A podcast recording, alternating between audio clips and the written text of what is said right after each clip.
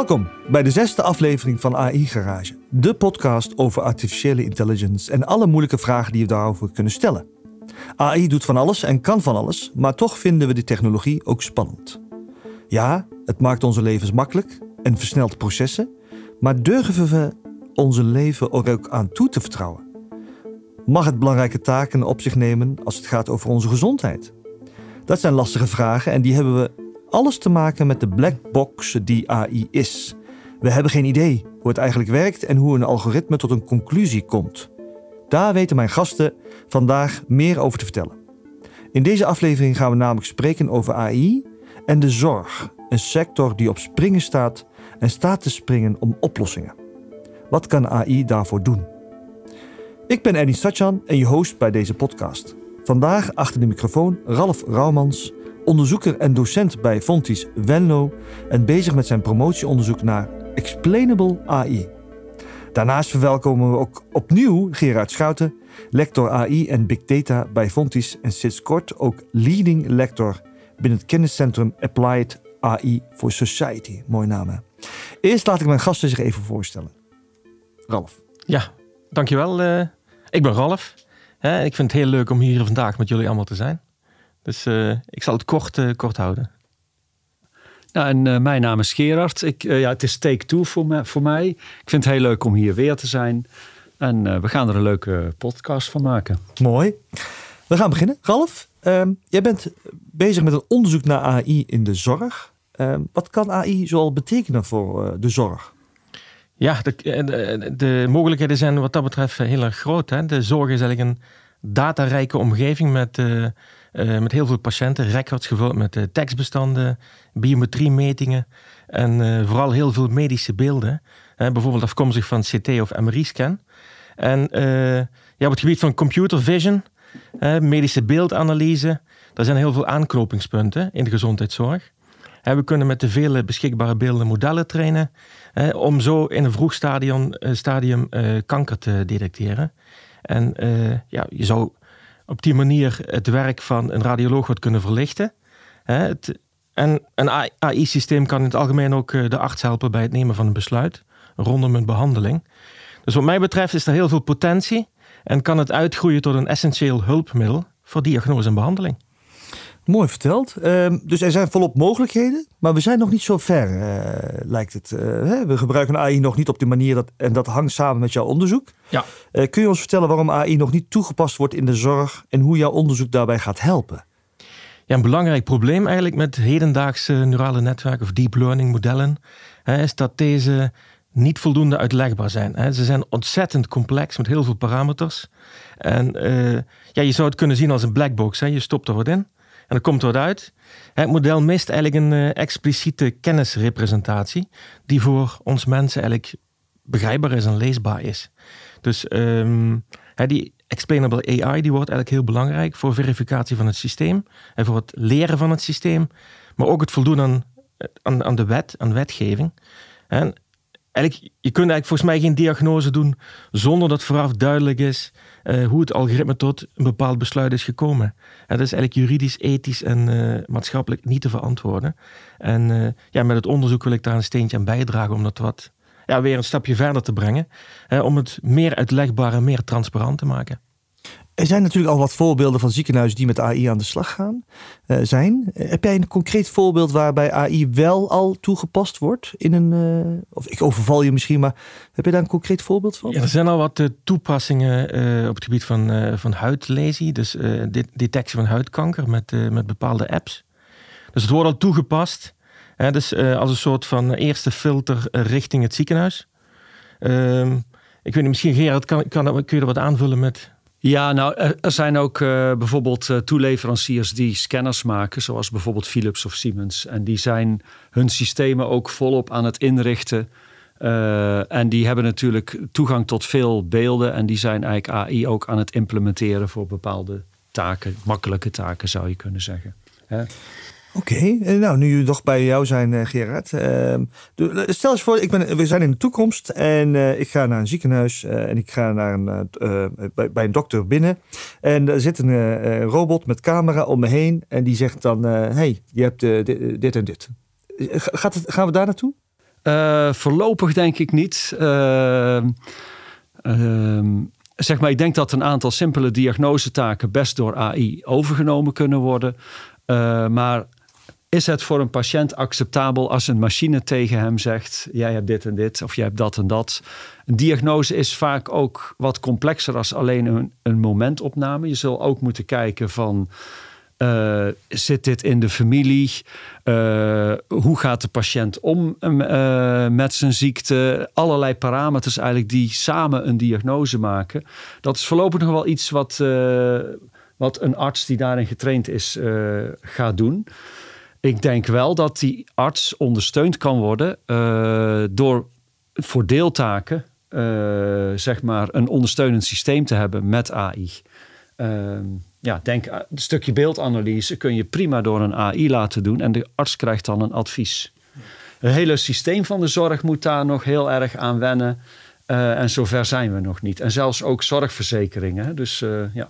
Wat ik mooi vind aan jullie allebei, is dat jullie eigenlijk niet eens het woord hebben genoemd vervangen van een arts of zo. Hè? Daar, daar, hebben we nog nee, daar hebben we het niet over. Nee, precies. Nee, Dat is eh, volgens mij heel fijn voor, voor heel veel mensen. want ik zou ook nog niet in een vliegtuig willen stappen die alleen Volledig, maar ja, ja. met AI uh, ja. werkt. En wat ik nog even toe wilde voegen, Erdiens, is dat uh, het onderzoek van Ralf, dat is uh, inmiddels zijn we denk ik een jaar of tweeënhalf bezig. Ja. Dat is een uh, promotiebeurs voor leraren. Die is destijds, uh, hebben die samen ook uh, vanuit het lectoraat aangevraagd. En we doen dit onderzoek niet alleen met Fontis uiteraard, maar ook samen met de TUE. en een universiteit van Kopenhagen. Dus het is echt een beetje een co-productie. En ja, dit, dat het erg fijn samenwerken ook is met alle partijen. Gerard, kun je wat meer vertellen over jullie kenniscentrum? Jazeker. nou, dat kenniscentrum bestaat nog vrij kort. Uh, we zijn 1 januari van dit jaar begonnen. En uh, nou, de, het kenniscentrum heet officieel Applied AI for Society. Uh, die kenniscentra en centers of expertise, dat zijn eigenlijk vrij nieuwe constructies binnen Fontis. En het idee is om daar met een aantal lectoraten over instituten heen samen te werken. En nou, ik vind het natuurlijk heel mooi dat rondom zo'n onderwerp als AI, dat daar gewoon een kenniscentrum voor opgericht is. Uh, en het verbindt ook heel erg met lectoraten uh, van andere instituten. Uh, dus we hebben Fontes Hogeschool Journalistiek aan boord, Fontes Hogeschool Paramedisch. Past heel goed bij het onderzoek van Ralf ook. maar ook Fontes Hogeschool Economie en Communicatie. Die zitten wat meer ook, die vinden de digitalisering ook heel interessant en die kijken wat meer naar het ethiekstuk. dus we hebben eigenlijk hiermee kunnen we veel krachtig, ons veel krachtiger als kennisinstelling breed in de markt zetten. En dat is tegenwoordig ook wel nodig uh, in het uh, speelveld, zal ik maar zeggen, om uh, aan leuke onderzoeksprojecten te gaan werken. Mooi. Um, Ralf, we hebben het natuurlijk kort gehad over explainable AI. Maar kun je dan nog één keer uitleggen wat het nou betekent? Want als ik denk, als ik letterlijk vertaal explainable AI, dan denk ik van, oh, ik kan het ook aan mijn oma vertellen wat het is. Maar volgens mij bedoel je daar iets anders mee. Wat, wat je eigenlijk wilt uh, met, met uh, er is een term eigenlijk die, uh, die, die, die dekt vele ladingen feitelijk. Hè? Dus, maar vanuit mijn onderzoek gezien is het doel om het model transparanter te maken, de diagnose uitlegbaar te maken. En om dat voor elkaar te, te krijgen hebben we eigenlijk teruggegrepen op een stukje geschiedenis. We gaan terug naar de, naar de 70s. En wat je toen zag, toen gingen we modellen gebruiken die eigenlijk op uh, ja, die kennis gebruikten die meer expliciet was. Dat is zogenaamde regelgebaseerde systemen. Dus uh, modellen waarin een hoop if-then-else constructies zijn, zijn opgeslagen, die als mens natuurlijk kunt lezen, kunt begrijpen. Dus aan de hand van verschillende scores op de verschillende vragen Um, rond een totaalscore uit. Aan de hand van die score kun je dan eh, bijvoorbeeld uh, aangeven, dus, in, in mijn geval, dus kanker of geen kanker. Eigenlijk het probleem van dit soort systemen, die regelgebaseerde systemen, is die zijn wel transparant, uitlegbaar, hè, maar ze zijn niet heel nauwkeurig. Ja, dan komen we weer, terug in de huidige tijd. We hebben hele mooie modellen, deep learning modellen. Die zijn eigenlijk heel nauwkeurig, hè, maar die missen dan die expliciete kennisrepresentatie. En wat wij in het onderzoek hebben gedaan is um, dat we als uitgangspunt hebben genomen de deep learning modellen. En wat hebben we nog zogenaamde hints aan toegevoegd. En hints, dat zijn eigenlijk uh, visuele kenmerken. Um, als ik als voorbeeld neem huidlesies. Hè. Dan kun je van elke huidlesie kun je een zogenaamde ABC-score bepalen. asymmetry, border en color. En aan de hand van die score, dat is ook een score die de arts ook zelf gebruikt, de dermatoloog ook zelf gebruikt, krijg je een aanwijzing of het hier wel of geen kanker bevat. Dus wij hebben die ABC-scores als hints toegepast bij de huidige deep learning modellen, waardoor je eigenlijk gedeeltelijk een uitlegbaar model voor elkaar krijgt. Mooi. Maar wordt het dan ook meteen nauwkeuriger? Want dat is blijkbaar het allergrootste probleem wat je nu eigenlijk aangeeft. Ja, dus wat, uh, dat is het mooie. Het is een soort win-win. Dus uh, onze hypothese die was inderdaad van door het toevoegen van die hints en het gebruik van deep learning modellen wordt het uh, nauwkeuriger en ook meer uitlegbaar. We hebben dit inderdaad ook kunnen aantonen met het laatste onderzoek. dat we uh, ja, meer uitlegbare modellen hebben, maar ook de performance en nauwkeurigheid van het model verder toeneemt. Dus dat is een win-win situatie. Dus we zitten eigenlijk wat dat betreft op de goede weg. Ja, en wat, wat ik uh, misschien uh, kan toevoegen, is uh, dat dit soort modellen die Ralf gebouwd hebt, dat staat in de in het vak AI ook wel bekend als multitask modellen. Ze leren dus niet één ding, alleen een diagnose. Dus je hebt beelden en labels van hier staat kanker op, hier staat geen kanker op. En ze gaan niet alleen daarmee aan de slag. Maar die modellen die leren dus ook iets, een uitspraak te doen over color, border en asymmetry. En die twee taken, het neurale netwerk voert eigenlijk meerdere taken uit, die versterken elkaar in dit geval. Dus dat. Uh, en ja eigenlijk is het ook wel een beetje nieuw om aan multitask learning te doen.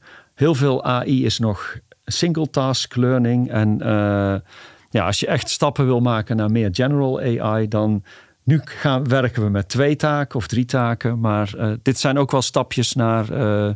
Uh, uh, als je een beetje generaliseert naar een nieuwe vorm van AI. Ja, ik merk wel dat we behoorlijk de diepte ingaan met allemaal mooie termen. Hè? Uh, ik hoop dat de uh, luisteraars nog met, bij ons zijn. Maar dat, dat, dat is ook AI. En we hebben altijd wel geprobeerd algemeen te zijn en explainable in de zin van ja. dat, dat het ook te snappen is voor degene die eigenlijk hier niet dagelijks mee bezig is. nou, we zijn er toch mee begonnen. Laten we nou nog, nog twee dingen goed eh, benoemen. Uh, kun je wat meer vertellen over uh, annotatie en over fitting? En als we dat hebben gehad, dan gaan we lekker door met andere algemenere vragen. Ja, dus um, we gebruiken een, een publieke dataset, een Amerikaanse publieke dataset, om het model te trainen. Een hele mooie dataset, gelabeld. Dus dat wil zeggen, dus van elk beeld, van elke skin lesion, weten we of het kanker of geen kanker betreft. Wat we eigenlijk missen bij die dataset zijn zogenaamde hints. Hè? Uh, annotaties zou je ze ook wel kunnen noemen. En uh, dus uh, die visuele kenmerken. En die hebben we eigenlijk toegevoegd door inzet van verschillende bronnen. We hebben studenten gevraagd tijdens hun studie om te gaan annoteren. Studenten van de TU. We hebben ook klassieke image processing algoritmes geschreven om die scores te berekenen. Ehm, maar een ander, ja, heel leuk, hele leuke bron is dat we ook via crowdsourcing platform, Amazon MTurk, een crowd hebben uitgenodigd om te gaan annoteren.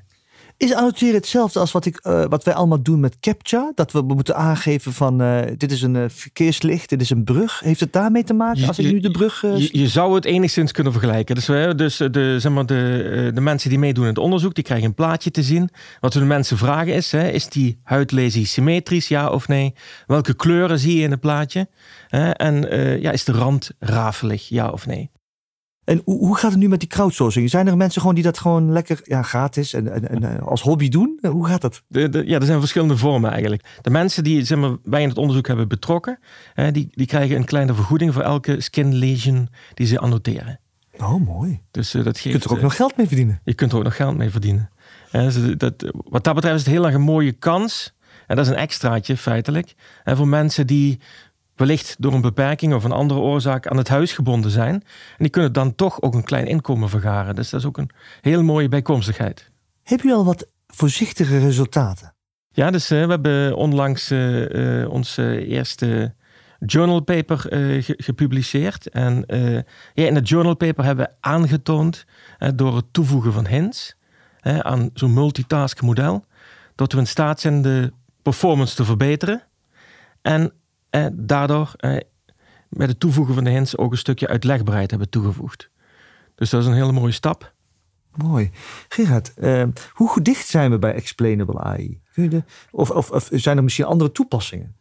Ja, nou dit is dan echt in het medisch domein zijn we dit dus aan het verkennen en een echt expliciet voorbeeld aan het maken. Er wordt natuurlijk veel over gesproken, maar uh, uitlegbare AI heeft heel veel uh, componenten en heel veel invalshoeken. Het kan ook een beetje een user interface-achtige invalshoek hebben. Ik, ik weet een ander project waar bijvoorbeeld uh, ook trouwens en wel in het medisch domein waaraan gewerkt wordt en waarbij je het AI-model een diagnose doet of een uitspraak doet over medische toestand, maar waarbij dan het AI-model zegt: ik kom tot deze conclusie om omdat ik hier uh, gelijke uh, uh, voorbeelden zie. Dus die laat eigenlijk naast de data van één patiënt... laat die vergelijkbare patiënten aan de arts zien en zegt... kijk, bij deze patiënten was dit aan de hand... dus ik denk dat hier ook dat aan de hand is. Dat is een hele eenvoudige vorm van explainability... waarbij je voorbeelden laat zien. En dan moet je natuurlijk... hoe representeer je die, hoe... hoe uh, ja, hoe visualiseer je die? Dat is dus eigenlijk ook een beetje een UX-probleem. Ja, user experience, user experience probleem. Uh, Visualisatie eigenlijk. Maar het kan ook zijn, ja, visualisatie eigenlijk. Maar het kan ook eigenlijk zijn dat je een metamodel maakt over je model. En dat je gaat zeggen, ja, ik denk dat het AI-model komt tot deze conclusie. Want het metamodel heeft dit en dit en dit weer geschat. Dus je ziet daar allerlei verschillende voorbeelden van maar over de hele linie. En dat is ook iets waar we bij uh, het kenniscentrum uh, erg naar op zoek gaan. Uh, en waar we aan werken, wil je dat AI betrouwbaarder wordt. En dat kan zijn doordat je zeg maar, de kwaliteit van de modellen die, die je maakt, dat je qua software engineering dat gewoon netjes in elkaar zet, goed test, aan allerlei kwaliteitsaspecten voldoet. Dat zit heel erg in het maakproces. Maar het kan ook zijn dat je goed nadenkt over het ethiekgedeelte. En dat je uiteraard houdt aan de wet. Dus dat zijn, allemaal, het zijn drie verschillende facetten. Uh, bij het ene project is het ethiekstuk erg belangrijk. Bij het andere stuk zie je dat het engineeringstuk stevig in elkaar gezet wordt. Maar we willen eigenlijk werken aan, uh, met het kenniscentrum aan trustworthy AI. Dat wordt denk ik de toekomst. Betrouwbare AI, we ja. gaan het in de gaten houden. Ja. De paper uh, over dit project heeft uiteindelijk een lezersprijs gewonnen. gefeliciteerd hè, in het specifieke onderzoeksveld. Maar wat was dat voor prijs en uh, wat maakte dit onderzoek nou zo interessant? Misschien heb je het al kort uh, aangestipt hoor, maar ik ben wel benieuwd. Ja, ja uh, het was een hele verrassing moet ik zeggen hoor, die, die lezersprijs. Ehm, het, het, winnen van de prijs heeft ons eigenlijk de mogelijkheid gegeven om het paper een platform te geven. dus, dus er is een online symposium gehouden waar het, waarin het paper is gepresenteerd met nog een ander paper. En ja, tijdens die, tijdens die presentatie ja, is er een verdere discussie eigenlijk geweest over de resultaten met andere onderzoekers. En wat daar eigenlijk van is blijven hangen, is dat het heel goed is ontvangen. En ja, dat geeft eigenlijk momentum om verder te gaan op het ingeslagen pad. En ja, ons idee is om verder te gaan met nieuwe datasets. bijvoorbeeld rondom longkanker, longnodules. maar ook nog verder te verbreden richting bias. Ah, de uh, discriminerend of uh, uh, interessant. Dat is, mijn, dat is mijn onderwerp, wat ik, wat ik altijd heel erg interessant vind. Hey, dus de next steps, dat gaat dus over andere, meer data, andere ziektes en, en toch bias. Ja, ja. ja, ja. En het grappige van bias is, hè, dat, dat zijn dus scheve verdelingen die in de dataset zitten. Die kunnen iets gaan doen, die kunnen iets veroorzaken als je daarmee gaat trainen.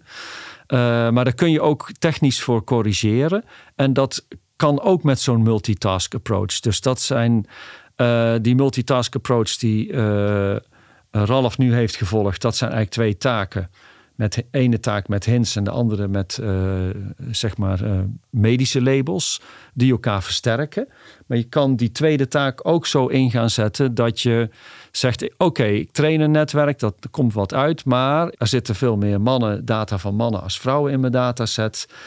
Ik ga een tweede netwerk daaraan koppelen die daarvoor gaat corrigeren. Dus dat zijn we. We zijn eigenlijk nou ook dat multitask paradigma zijn we uh, aan het kijken of we dat onder dezelfde ja, noemer ja, kunnen krijgen. Ja. Dat is best wel nieuw, uh, maar daar hebben we goede ideeën over. Misschien kan, jij aanvullen, nog aan toevoegen, want uh, je ziet bijvoorbeeld bij, bij Alzheimer, dan is er een zeker verband met de leeftijd eigenlijk. Hè? Dus dan, dat zou je ook bias kunnen noemen, maar dat is eigenlijk wel gewenste bias. Die wil je meenemen. Maar in het geval van die, die skin lesions, hè, daar, daar is er ook wellicht een invloed van andere demografische aspecten. Hè, um, dus hoe, hoe dat nou precies werkt, dus de demografische aspecten moet je denken aan, aan, eh, aan het geslacht, de leeftijd. Uh, waar zijn de beelden opgenomen, door, welk, door welke apparatuur zijn de beelden opgenomen, et cetera. Hoe nou dat, zeg maar, dat precies inwerkt op uiteindelijk de diagnose, dat gaan we nog verder onderzoeken. En uh, ja, goed, een van de methodes die we gaan toepassen is het ontdekken van die verborgen bias en dan ook proberen weg te rekenen, zodat, zodat uiteindelijk het model eigenlijk heel generaliseerbaar weer wordt. Wat een mooi breed onderzoek eigenlijk. Hè? Uh, met uh, heel concrete, misschien uh, uit, uit, uit ja, slagen. Ja, ja. Um, ik, ik heb een, een andere vraag. Um, we weten dat er veel personeelstekort is, overal eigenlijk, maar in zorg nog meer. Zie je het voor je dat het een hulp gaat worden eigenlijk voor zorg? Zeker. Dat er een soort, ja, oké. Okay, ja, u, u voelt het aan waar ik naartoe wil. Ja gaan, we, gaan we daardoor de personeelstekort tot op een zekere hoogte oplossen met AI? Tot op zekere hoogte wel, ja. Routinematige dingen die automatisch kunnen, uh, dat gaan we automatisch doen. Maar uh, ja, de human in de. We houden wel, wij houden nog wel niet van met onze aanpak de human in the loop. Uiteindelijk is de arts verantwoordelijk om een beslissing te nemen, maar hij kan wel zich laten ondersteunen door AI. En ja, je hoeft geen tientallen beelden meer te bekijken of zo, maar uh, ons algoritme komt wel met een aanbeveling. Ja, de, de, arts, uh, ja, die zou zich eigenlijk verder kunnen specialiseren op, op echt het specialistische werk. En uh, met alle respect, het huistuin- en keuken onderzoek. Het kan wellicht wat worden uitgebreid richting, richting dan een meer AI-aanpak. dus enerzijds voor ondersteuning. Uh, om zo taken uit andere handen te nemen en zo meer tijd voor specialistisch werk. Uh, waardoor het wat effectiever en efficiënter gaat worden, de zorg. Mooi, fijn dat de human loop erin blijft. Altijd fijn om iemand van vlees en bloed tegenover je te hebben. Ehm, we zijn bijna aan de afronding, maar ik wil jullie nog een kans geven. Ralf, heb ik iets gemist? Wil je nog iets kwijt? nu je de luisteraars voor je hebt. Nee, hè, dus ik vind het een hele mooie uh, weg die we samen zijn af leggen. met, het, met het onderzoek. Het is, is een heel avontuur met ups en downs. Uh, goed, het, het, paper wat we onlangs hebben gepresenteerd, dat geeft eigenlijk aan dat het, uh, dat het onderzoek eh, goed wordt ontvangen. Dat we op de goede weg zijn. En het geeft ook zeg maar, weer een boost en kracht zeg maar, om verder te gaan. om het verder te verdiepen, verder te verbreden. En ja, ik heb er heel veel zin in om verder met het team de volgende stappen te zetten. Ja, ik zie uh, luisteraars, uh, jullie zien hem niet, maar hij ja, zijn ogen glinsteren gewoon. Heerlijk uh, hè, dat jullie dit kunnen doen. Gerard, wil jij nog wat aan toe? Ja, ik, ik ben heel blij dat we ook binnen Fontis dit soort dingen doen. dat er mogelijkheden zijn voor docenten die zeg maar, de ambitie hebben om te promoveren, dat we dat zo goed mogelijk proberen te faciliteren. En ik denk dat dat voor Fontis, zeg maar, als wij ons als kennisinstelling steeds meer in de markt willen zetten en ons daarop willen profileren dat, dit, uh, dat we trots mogen zijn op dit soort uh, pareltjes. Gerard, nu ik je toch hier heb, hè? Ehm, er wordt gezegd door deskundigen, een paar deskundigen, dat de winter AI aankomt. Als het gaat om AI vanwege de economische crisis. Kun je daar iets over vertellen? Gaan we weer naar wat minder aandacht voor AI of blijft het zo?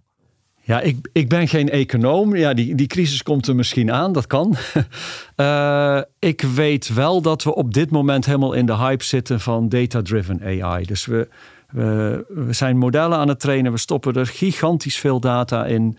En in feite leggen die modellen correlaties tussen, A, tussen input en output. Het is niet dus, statistical learning, maar dan met neurale netwerken en heel veel parameters.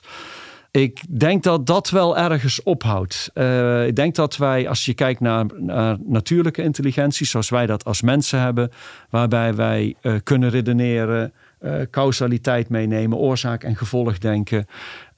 er wordt nu wel, ik zie dat er wel een beweging is binnen AI om dit ook vorm te geven. Embodied AI is een andere term die ik veel hoor. Dat je eigenlijk pas echt dingen leert door ze ook vast te pakken. Zoals kinderen dat leren door met zand en water te spelen. Ik, uh, ik zie wel een beweging om... Uh, dat data-driven AI, ja, dat gaat echt nog wel door. En veel bedrijven gaan dat implementeren en doen. Maar ik zie ook wel een andere vorm van AI opkomen, embodied AI. Waarbij ja, zeg maar het niet zo data gedreven is, maar waarbij wel het leren van dingen op een andere manier vorm gaat geven. Maar dat is nog een beetje vaag aan het gloren aan de horizon. Spannend. We moeten maar uh, jou één keer hiervoor. Uh... Daar gaan we nog een keer verder over praten. Waar AI voorheen een black box was die we niet begrijpen, gaan we nu toe naar een explainable AI. Een AI waarin uitlegbaarheid voorop staat. Maar onze rol als menselijke opvoeders van een slim algoritme ook voorop blijft staan. Wie weet wat ons dat gaat brengen in de toekomst. Ik wil uh, Ralf en Gerard heel erg bedanken. Uh, en uh, mochten mensen geïnteresseerd zijn, kunnen ze altijd contact opnemen met het kenniscentrum. Wil jullie nog één ding zeggen? Rest mij jou te bedanken. Ja, bedankt voor dit uh, fijne interview en leuke podcast. Uh. Hartstikke leuk. Beste luisteraars, bedankt voor jullie aandacht. We hopen dat jullie er weer bij zijn voor onze volgende aflevering. Tot dan.